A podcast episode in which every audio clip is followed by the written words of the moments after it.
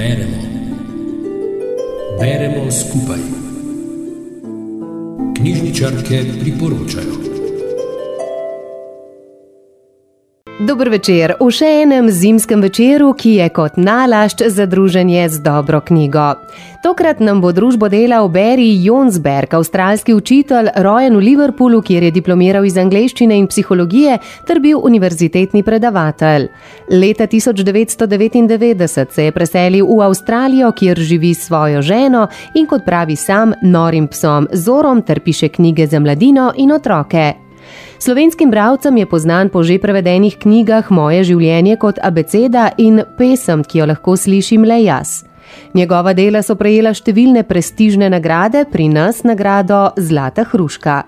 Pravi, da pri pisanju najbolj obožuje to, da se lahko izgubi v svetovih, ki jih ustvari, ter da je to najboljša služba na svetu.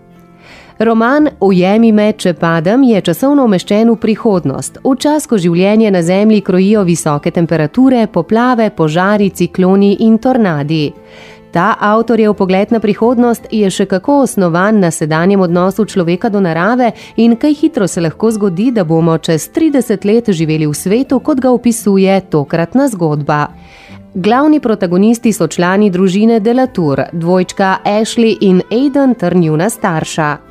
Mati je izredno uspešna znanstvenica, ki vodi uspešno lastno podjetje, oče pa je gospodinjec.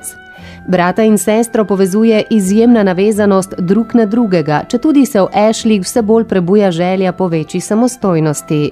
Brat je namreč izredno zaščitniški, neizmerno ji je predan, vse čas skrbi za njo, vedno preverja, ali je dobro.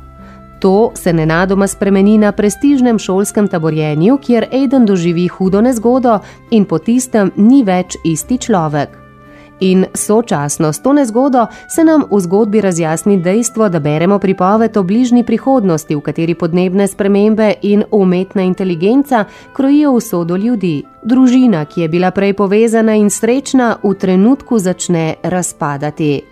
Ko Ashley izve, da oseba, ki jo ima najrajši na svetu, ni človeško bitje, temveč kiborg, se ji svet nenadoma obrne na glavo. Napeta, srhljiva in ganljiva, znanstveno-fantastična zgodba, ki pa se, glede na številne ekscesne iznajdbe in posege v človeško telo, ki smo jim priča že dan danes, ne zdi tako nemogoča. Pravi Bernarda Buh, ki nam roman avstralskega pisatelja Berija Jonsberga Ujemi me, če padem priporoča v branje. Pa prijeten večer še naprej vam želimo. Rubrika Beremo skupaj nastaja v sodelovanju z Radijem Sora.